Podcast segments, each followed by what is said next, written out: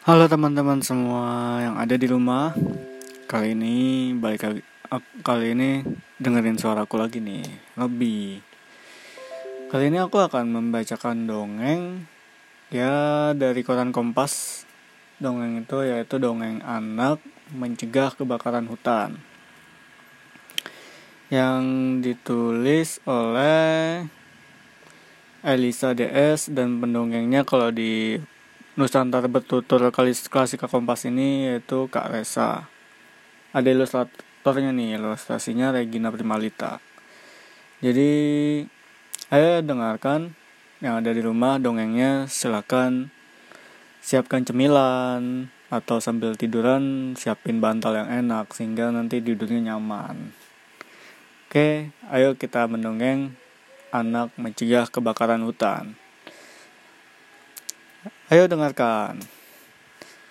Akhir pekan ini, Elis menginap di rumah adik ayahnya, Paman Zen, di desa Karangkates, Kabupaten Malang, untuk menghirup udara segar. Paman Zen mengajak Elis berjalan-jalan ke kawasan hutan di sebelah selatan bendungan Insinyur Sutami. Saat melintas jembatan, Elis sangat kagum menyaksikan derasnya aliran sungai berantas dari waduk yang diapit perbukitan hijau. Namun, di depan mata di depan mereka ternyata kemudian terlihat asap yang membumbung. Paman Zen tiba-tiba menghentikan motor, lalu berjalan menuju area yang tak jauh dari pinggir jalan raya tersebut. Paman Zen mematikan bara yang menjadi sumber asap tersebut. Masih saja ada oknum ceroboh yang meninggalkan api di hutan. Setelah itu, mereka berdua meneruskan perjalanan menyusuri jalanan yang, ber, yang berkelok-kelok.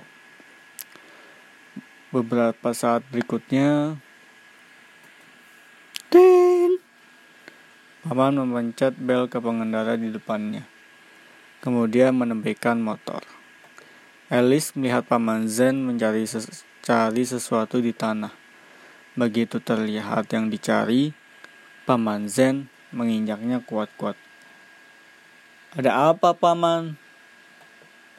Pemuda tadi melemparkan buntung rokok yang masih menyala. Bahaya. Banyak orang yang tak menyadari bahwa tindakan seperti itu bisa menyebabkan kebakaran hutan. Alice lalu berkata pada pamannya, Memang apa saja sih yang bisa menyebabkan kebakaran hutan, Paman? Banyak, Elis. Selain kecerobohan oknum-oknum tadi meninggalkan api ataupun rokok menyala, kebakaran hutan bisa terjadi akibat sambaran petir pada pohon. Aktivitas vulkanis seperti awan panas dari letusan gunung pun bisa menimbulkan titik api. Jelas Paman Zen. Ngeri ya, Paman. Elis jadi ingat peristiwa kabut asap yang merambah hingga ke negara tetangga. Iya, kabut asap yang timbul akan menyebabkan gangguan jarak pandang, juga mengakibatkan penyakit pernapasan. Kebakaran hutan juga mengakibatkan flora dan fauna yang ada di hutan berkurang, bahkan musnah. Hutan pun menjadi gundul sehingga tak mampu menampung air saat musim hujan. Dampaknya sumber air bersih berkurang, tanah longsor, serta banjir. Kalau begitu, bagaimana cara kita mencegah kebakaran hutan, Paman? Jika pergi ke hutan dan menyalakan api unggun atau memasak saat berkemah, pastikan api sudah padam sempurna sebelum meninggalkan lokasi. Lalu, warga yang menemukan titik-titik api di hutan dan tidak bisa menanganinya sendiri, diharap segera melapor ke petugas terkait, sehingga area yang terbakar bisa diminimalisir. Paman Zen lalu mengajak Alice istirahat duduk di atas rerumputan. Keberadaan hutan sangat penting bagi keberlangsungan hidup manusia. Jika kita tidak bisa menambah jumlahnya, maka jagalah kelestarian hutan yang sudah ada. Elis manggut-manggut mendengar penuturan Paman Zan. Nah, itu tadi dongengnya. Sama kayak minggu lalu ya, teman-teman. Jadi tentang ya masih cari masih tentang pengundulan hutan dan bagaimana kita tidak boleh melakukan hal-hal sembrono gitu loh. Jadi kalau di hutan kita nggak boleh kayak buang puntung rokok sembarangan atau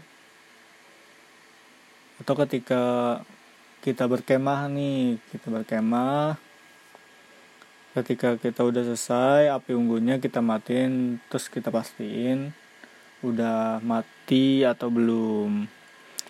Jadi kalau misalkan be bebakaran kalau kata orang Sundanya.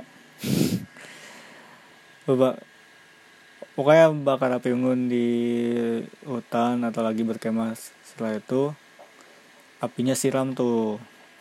Harus pastiin ke, udah mat udah mati bener atau belum. Jadi itu tadi dongeng anak menceg dari Kompas yaitu dongeng anak mencegah kebakaran hutan oke sampai ketemu di dongeng-dongeng selanjutnya dengan aku Infadli Robi. Bye